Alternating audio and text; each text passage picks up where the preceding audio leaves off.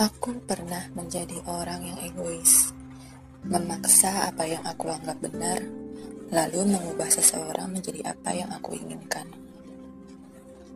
Aku juga pernah menjadi orang yang menerima, belajar dari hari kemarin agar bisa memahami dan mengerti kekurangan seseorang.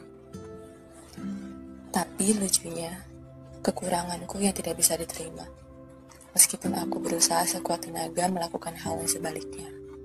Apakah mungkin itu yang dinamakan apa yang kamu tanam adalah apa yang akan kamu tuai?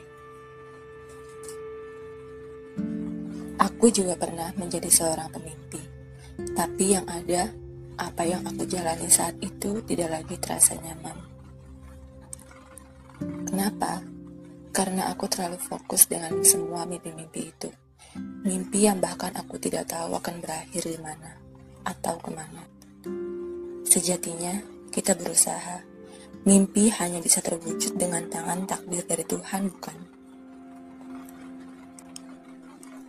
Lalu aku tahu sekarang, mencintai seseorang, menyayangi seseorang, bukan soal mengubahnya, bukan soal mengubahku, bukan soal mimpi, bukan juga soal keraguan-raguan masa depan.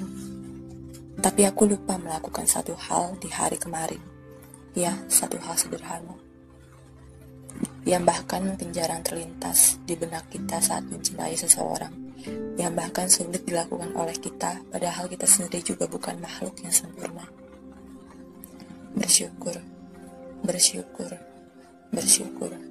Hari ini kita masih diberi kesempatan untuk saling menjaga hati.